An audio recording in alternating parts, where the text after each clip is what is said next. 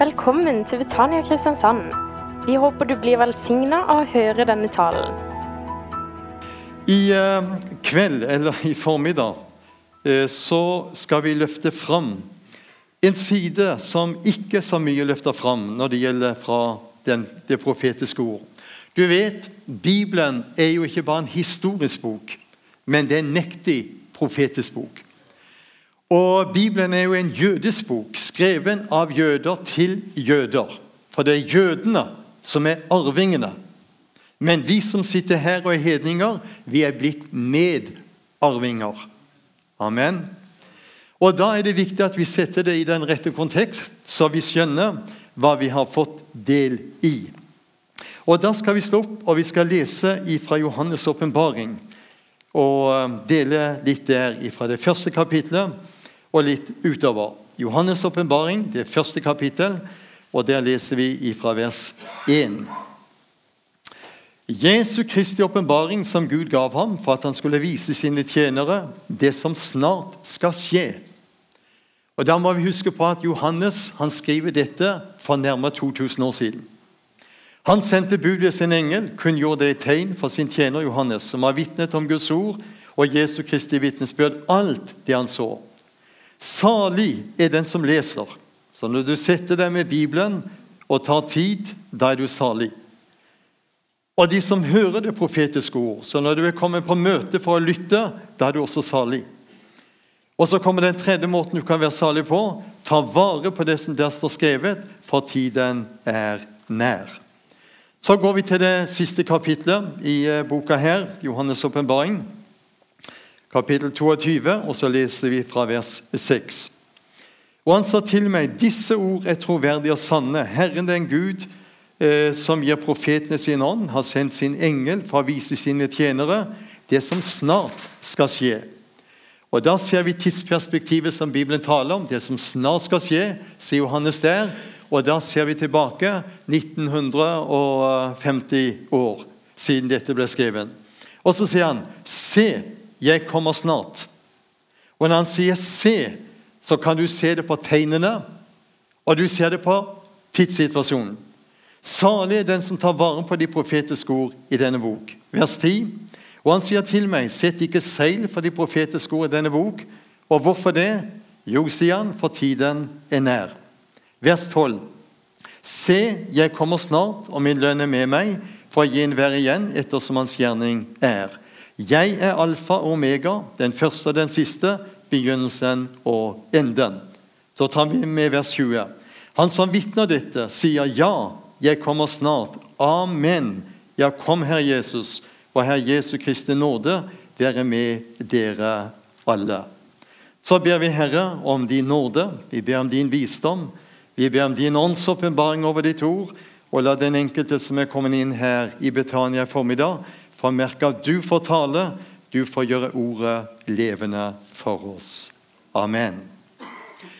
Hvis du går til Johannes' åpenbaring, det 19. kapittel, så står det der vers 10 et meget interessant vers i forbindelse med det vi har lest. Der sier Johannes da falt jeg ned for hans føtter for å tilbe ham. Men han sier til deg, meg, vokt deg for det. Jeg er din og dine brødres medtjener Eh, og så sier han de som har Jesu vitnesbyrd, Gud skal du tilbe. Og så kommer det. For Jesu vitnesbyrd er profetordets ånd. Eller som det står i den engelske profetordets ånd er vitnesbyrdet om Jesus. Uansett hva du løfter fram, om du preker Israel ut fra det profetiske ord, om du preker endetid og profetordet, så må vi alltid ha Jesus i sentrum. Det er han som er midtpunktet for alt det vi løfter fram. Nå er Det jo også slik at eh, det er jo underlig når du tenker på eh, hvor spennende denne boka er. At det da skal være så mye dissens på hvilken plass Israel har, og hvilken plass menigheten står i den tiden vi i dag lever i. Og du vet, eh, For at du skal få en vidsyn på det som har med Israel, profetordet, så er det veldig viktig at du kjenner Gamle testamentet, og at du kjenner Nytestamentet. I Gamle testamentet har vi alle forbildene. Og jeg tenker på Ruths bok. Det er jo en fantastisk interessant bok. For Ruth, den boka der, skulle vi hatt mange bibeltimer på. Den boka viser og deler kristenheten akkurat sånn som vi opplever i dag. Du kjenner til hvordan Naomi eller Melek de reiste til Moabs land. Og De hadde med seg sønner, Malon og Kiljon, og de gifta seg med disse to hedenske damene. Orpa og Ruth. Det var ikke bra. For jøder å blande seg med to hedenske Det var meget uheldig. Sett med jødiske øyne, men det er profetisk. Det som skjer, du kjenner til eh, hvordan mannen til Naomi, Elimelek, han dør. Begge sønnene dør, og så sitter Ruth tilbake med to hedenske svigerdøtre. Orpa og Ruth. Og Naomi skjønner hun har ingen framtid. Ingen framtid der i Moas land. Så hun bestemmer seg og sier til svigerdøtrene jeg drar tilbake til mitt folk. Da sier både Orpa og Ruth vi drar med deg. Hva er det Ruth gjør? Nei, Naomi hun sier til sine svigerdøtre ettersom de går på veien dra tilbake og få dere en mann blant deres egne. Nei, der du går, går vi. Men vi kjenner til hvordan uh, Naomi hun gir seg ikke. Og En dag så stopper hun og kikker de dypt inn i øynene, formaner de 'Jeg kan ikke oppreise noe avkom. Dere bør gå tilbake.' Da er det Orpa. Og Orpa betyr bakside. Hva er det Orpa gjør? Hun omfavner sin svigermor, kysser henne, og så vender hun tilbake til folket. Hun snur ryggen til sin svigermor. Og Det er det mye av kristenfolket har gjort i dag i Norge. De kjenner ikke røttene sine. Røddene, som vi sier på Sørlandet, vet du. Jeg har vært så mye på Østlandet, der må du snakke litt penere. Og du skjønner, Når det gjelder den situasjonen som Orpa gjør, så er det den situasjonen vi er i dag i landet, eh, også i kristenfolket i Norge, hvor mange ikke ser betydningen og skjønner hvilken betydning og endetidsperspektiv Israel har når det gjelder de høytidene og de dramatiske endetidsbegivenhetene. Men så sier Noomi til Ruth, 'Dra du òg'. Og hva sier Ruth? Og der har du et nytt skille. Hva sier Ruth? Din Gud, sier hun, er min Gud. Alle kristne er enig i at jødenes Gud er vår Gud. Amen. Det er det ingen dissens på. Men så sier Ruth noe, og der er dissensen. Ditt folk, sier Ruth, det er mitt folk. Der er skillet. Og det er dette vi er inne i i dag, hvor vi ser Orpa representerer en del av kristenheten i Norge. Da trenger jeg ikke ta hele verden, men i Norge, som kommer inn på dette med Israel. Når du nevner det Å, forferdelig med Israel, vet du. Og da pleier jeg å si, som jeg nevnte i går her inne For det er en del som er her i formiddag, som ikke var i går formiddag. Når folk har ovasjoner mot Israel-møter, så vet de ikke hvilke, hva de snakker om. For jeg sier alle møter vi har, er Israel-møter. Amen? Ja, det er ikke helt enig, ser jeg. Men hvorfor kan jeg si alle møter vi har i Israel-møter? Hver gang du åpner og leser fra denne boka, da er du på Israel-møte. Er du klar over det? Og Hver gang du åpner Bibelen, så bør du sende en takk til dette folket som har gitt oss Bibelen, og som har gitt oss Frelseren, som har gitt oss profetene, som har gitt oss løftene, som har gitt oss håpet, som har gitt oss framtiden, som har gitt oss etikken som har gitt oss moralen. Ja Jeg kunne bare fortsatt. Og det er da vi skjønner at det må ligge noe bak. Og det som ligger bak at det er sånn en negativ innstilling til også profetåret og Israel, da må du gå enda lenger tilbake. Bare noen få hundre år etter Jesus så var det et mektig universitet, teologisk universitet i Alexandria i Egypt. Og det var et mektig teologisk universitet i Antiokia i Lille-Asia, det som er dagens Tyrkia. Men disse to teologiske universitetene de var dypt uenige hvordan de skulle forstå Bibelen. I Egypt i Alexandria der sa de Bibelen må du tolke allegorisk, altså billedlig. Men i Antiokia sa de Bibelen må du tolke Skrift, må forklare Skrift. Og Luther han var meget tydelig på disse tingene. For Luther sa hvis du skal tolke Bibelen billedlig, allegorisk, da kommer du langt ut på viddene. Skrift må forklare Skrift. Amen. Og så finner du det interessante. Det mektige teologiske universitetet i Alexandria. Hva skjedde med det? Det brant opp. Alle bøkene. Men læresetningene deres, de overlevde. Og Fra kirkemøtet i Nikea på 325, hva skjedde da? Det ble synet i Alexandria som ble det dominerende. Hvor jødene, jødedommen, ble forkastet som noe de burde sky som pesten. Hør! Hvis du tar bort jødene, da tar du bort frelseren. Er du klar over det? Det er en jøde som sitter ved Faderens høyre hånd i dag og tale din og min sak. Så jeg er veldig glad for at jeg kan løfte fram og sette ting litt i perspektiv. Og da er det jo slik at Den tiden vi i dag er inne i, er veldig spesiell. Den er veldig dramatisk. Og jeg tror det, det er viktig å være klar over når vi snakker om vi er inne i de siste dager, ja, så må vi spørre når begynte de siste dager? De siste dager begynte her, på pinsefestens dag, når eh, Den hellige ånd falt. Da står Peter fram og sier det som nå skjer, er det som profeten Joel har talt om, skal skje i de siste dager. Så begynnelsen til de siste dager, det var pinsedag. Og vi i dag, vi er kommet til avslutningen her av de siste dager. Amen. Vi snakker ikke om den første og den siste menighet. Men vi snakker om menigheten i den første tid, og vi hører til menigheten i den siste tid. Det er den samme menighet som har vært fra pinsedag, og som eksisterer her i Britannia i formiddag. Og hvordan kan jeg si det? Det er den samme ånd som har vært i Guds menighet fra pinsedag og fram til i dag. Halleluja.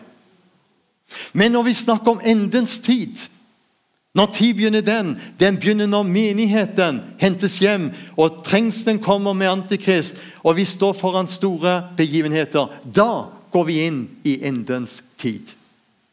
Og Det er dette vi er i dag inne i. og Vi skal da slå i opp, og så skal vi da skrift, forklare Skrift.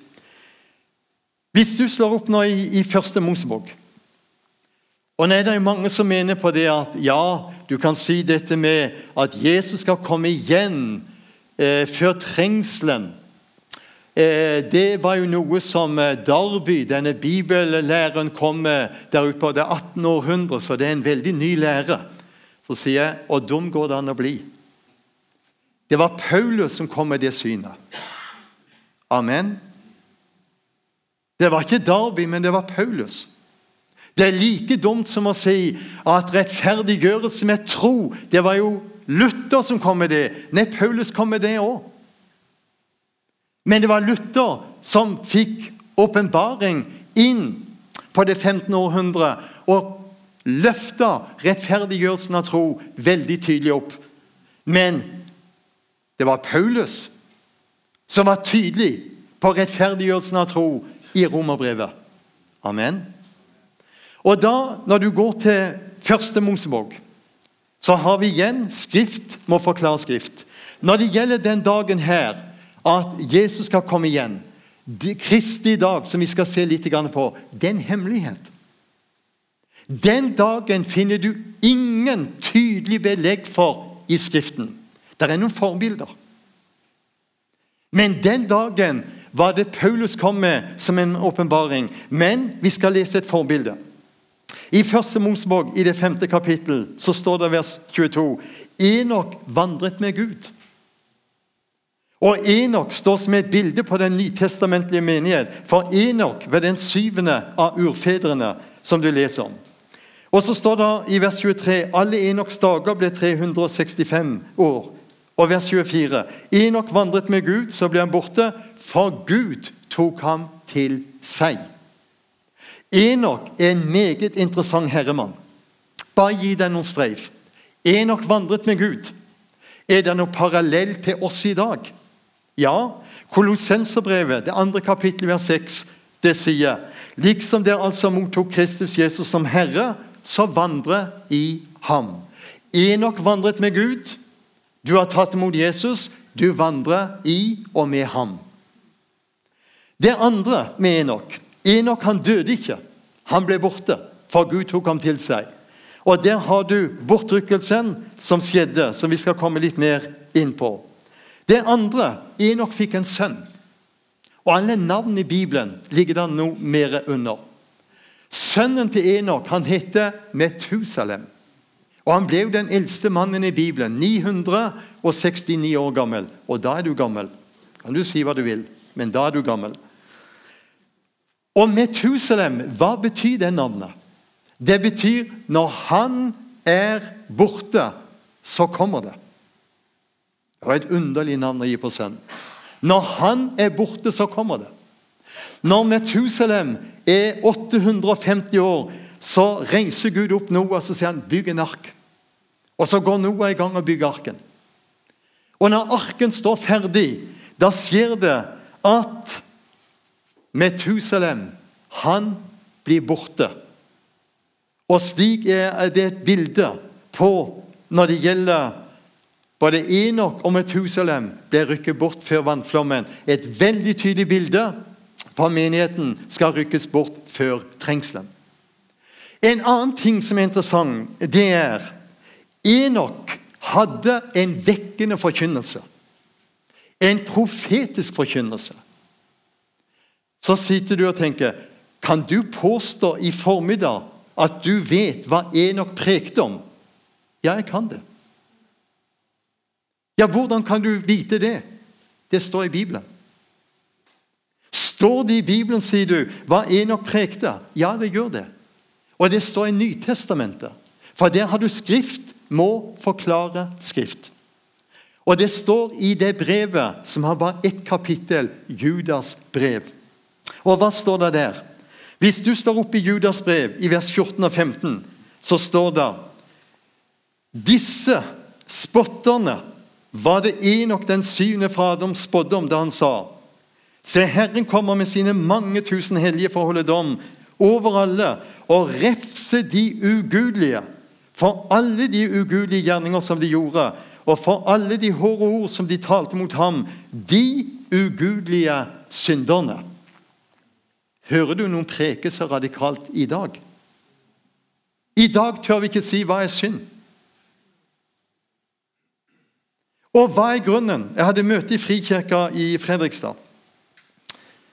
Hadde det for 14 dager siden en mandag, men eh, et par år siden. Har hatt flere møter der. Og så Etter et møte så kommer en av de eldre som hadde vært med i ledelsen gjennom mange år. Og så renner tårene. Det møtet var sånn et veldig vekkende møte. Det var liksom, Du kjente en atmosfære som hvilte over det møtet. Så står han foran meg, og så legger han hendene på skuldra mi, kikker meg dypt inn i ansiktet, og så renner tårene. Så sier han, 'Gordon', sa han. 'Hvor er vekkelsesmøtene blitt av?' sa han. Og hvorfor er de blitt borte? Så sier jeg, 'Det kan jeg svare deg på'. I dag preker vi bare om at Gud er nådig og kjærlig. Hvis vi skal preke om at Gud er hellig og rettferdig, da må vi komme inn på synsbegrepet. Og jeg tror det er noe av dette som også, det du lytter til i formiddag, er den forkynnelsen som rådet mye i vekkelsestider, som skapte en bevegelse, at folk kom i syndenød og ropte 'Hva skal vi gjøre for å bli frelst?' Og Det er noe av disse tonene vi må få tilbake igjen.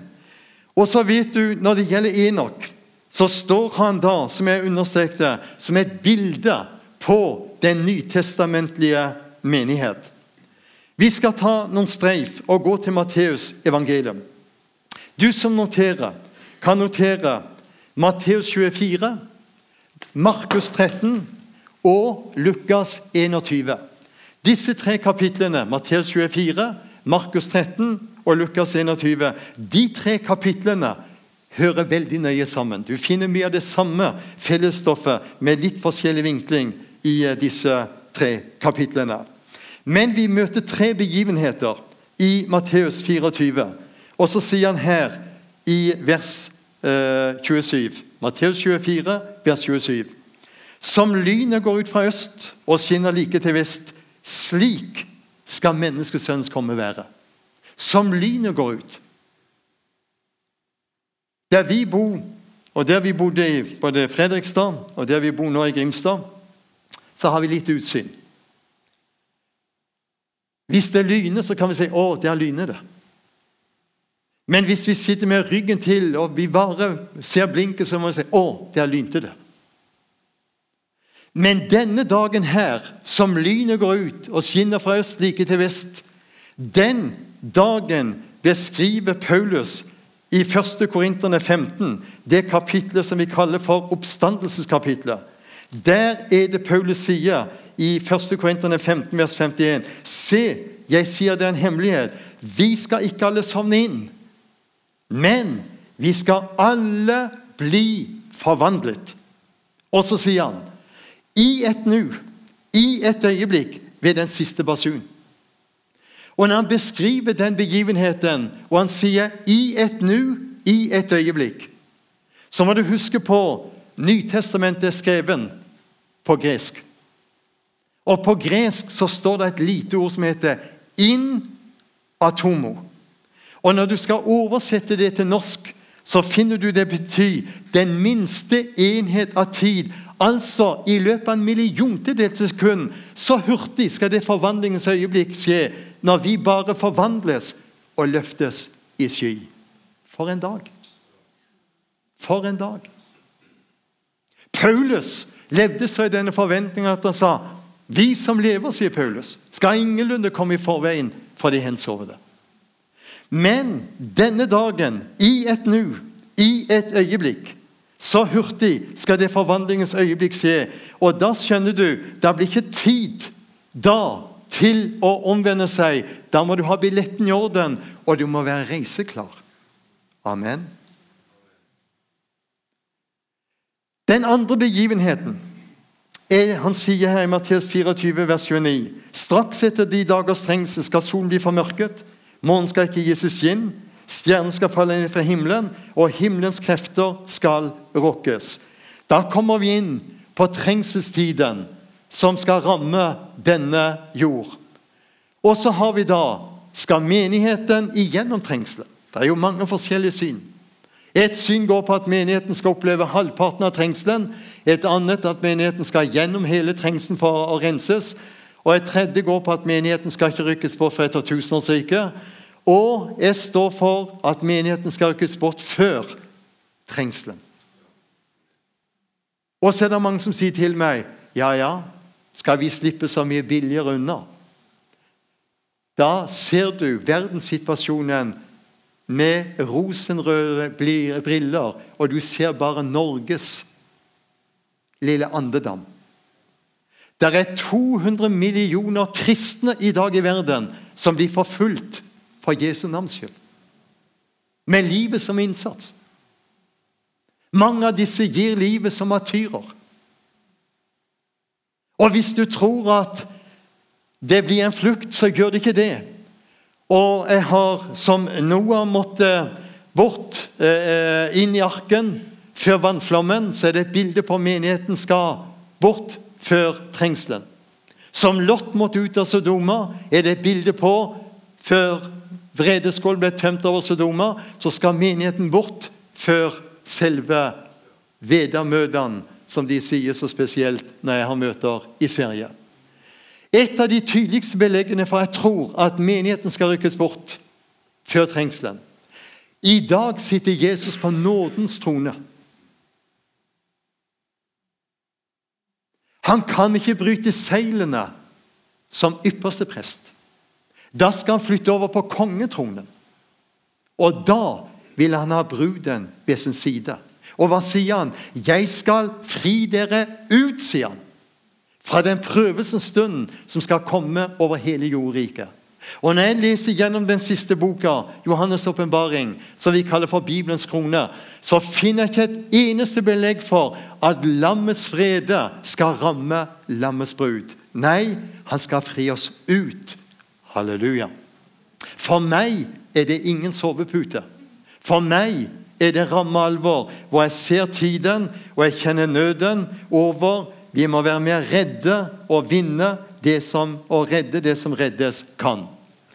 En av grunnene til at det er en del som mener at menigheten skal gjennom trengselen, det er ut ifra åpenbaringsboken, hvor de leser i kapittel 10 og 11 om den syvende basun.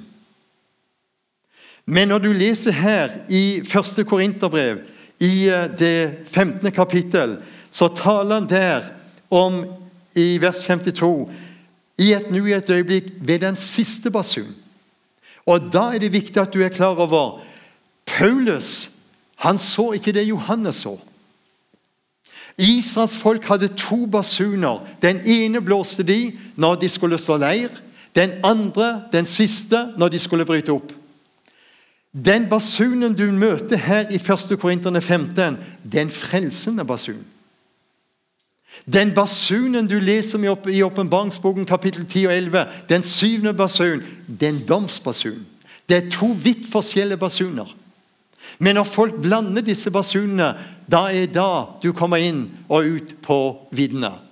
Men denne tiden som vi nå ligger, eh, står foran, det er en tid hvor vi ser tegnene forteller Alt som skjer i dag i vår verden, det peker fram mot Jesu andre komme, hvor han skal sette føttene på Oljeberget.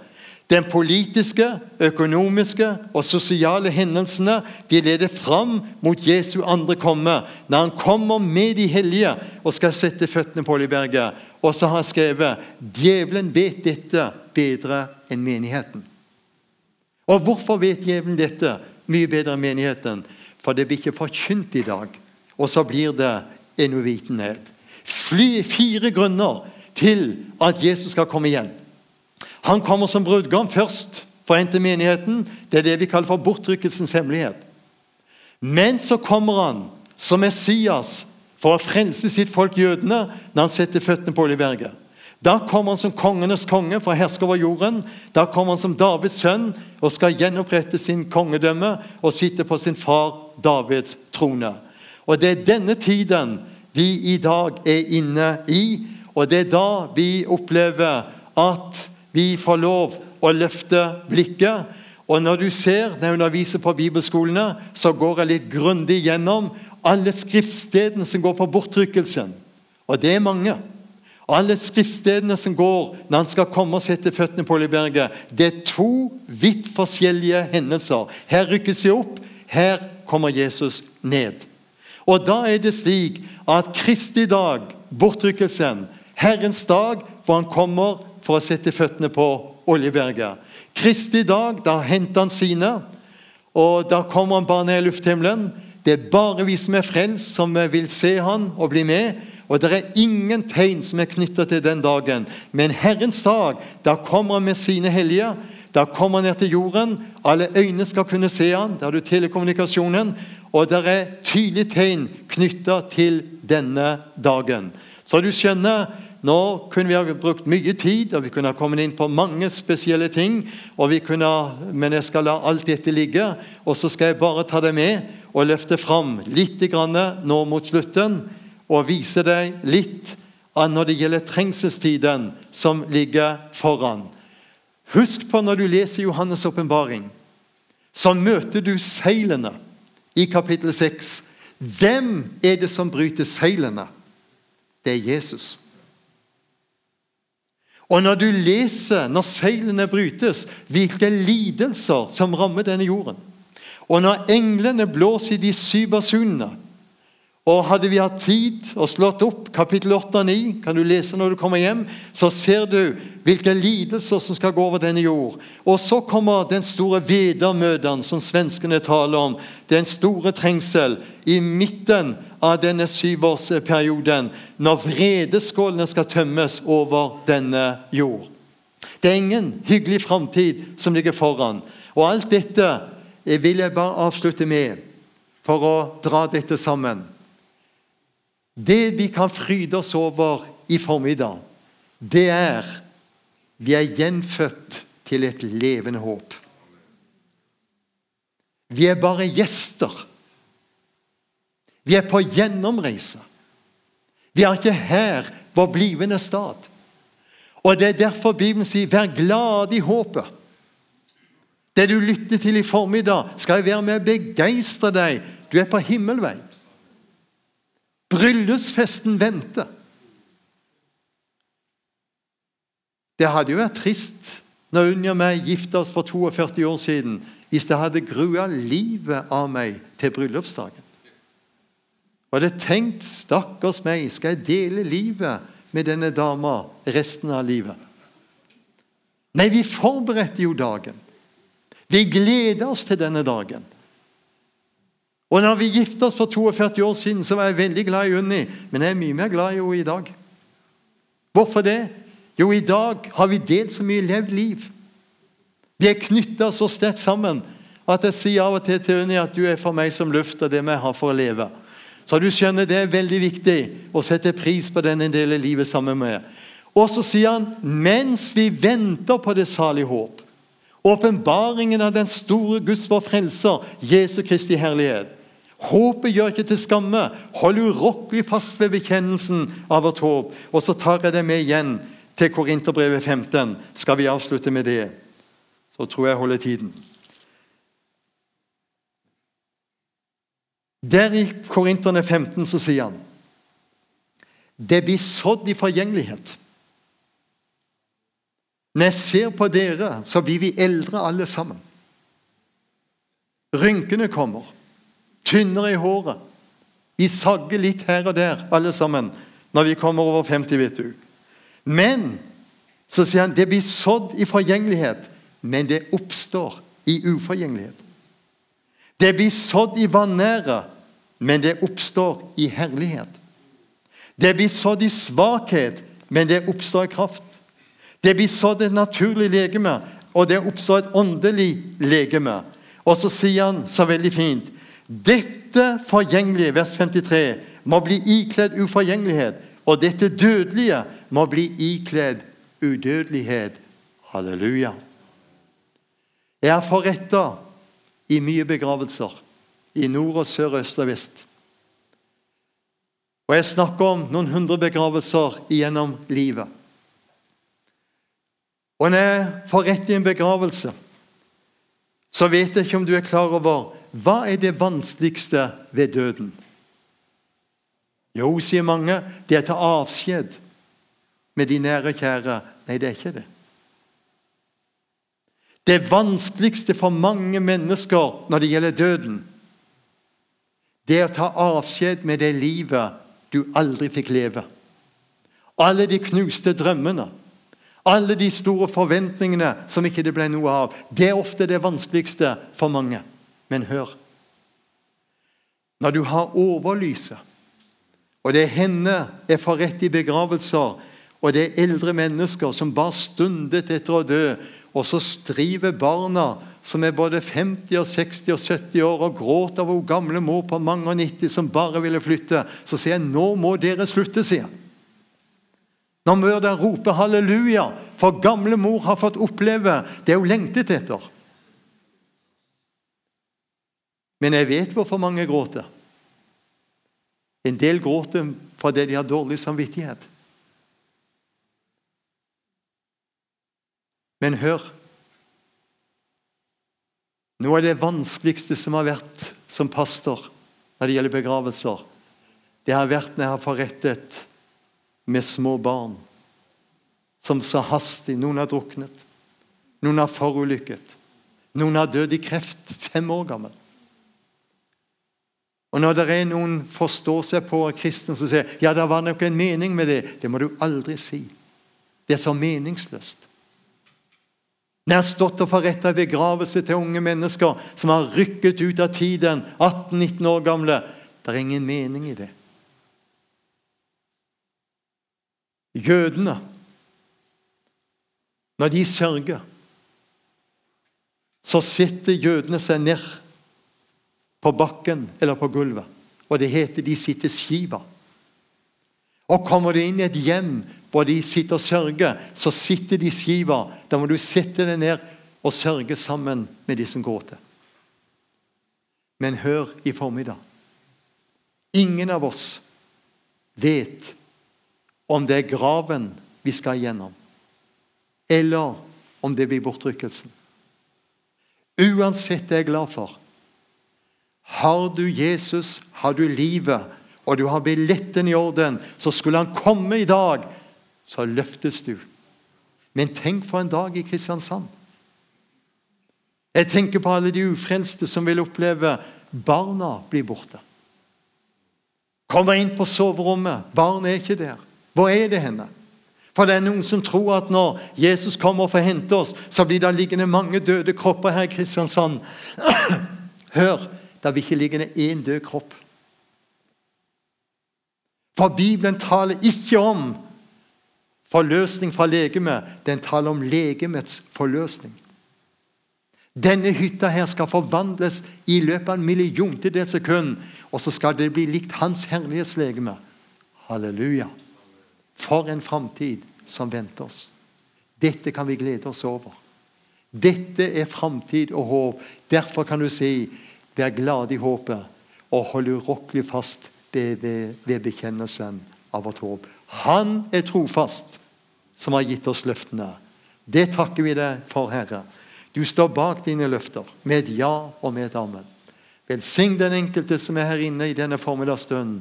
Hjelp oss, Herre, at vi løfter blikket, fryder oss og gleder oss over denne frelse vi har fått del i. Takk, Herre, at det du gjorde der på Golgata kors, det var et fullbart verk som vi får lov å ta imot og leve på. Og takk at det er også nok å dø på. Og vi fryder oss i denne formiddagsstund, Herre, for vi kan synge med sangeren 'Min framtidsdag er lys og lang'. Og vi gleder oss over, Herre, hvilken herlighet som venter den frelste skare. Men vi kjenner også nød, Herre.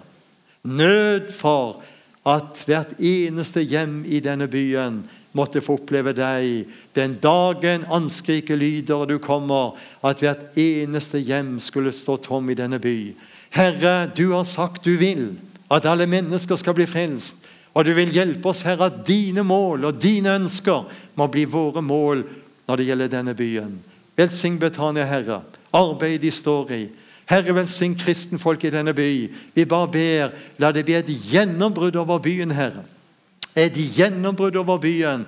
Og ikke bare barnet kommer til modermunn, men det er kraft til å føde. Og vi ber, Herre, la det bli en bønnebarnsvekkelse. La de som har sådd med gråt, få høste med fryderop. La de som har sukket så inderlig for sine, la de få oppleve, Herre, at de får se mens de lever, at barna søker deg til frelse. Det ber vi om. Amen.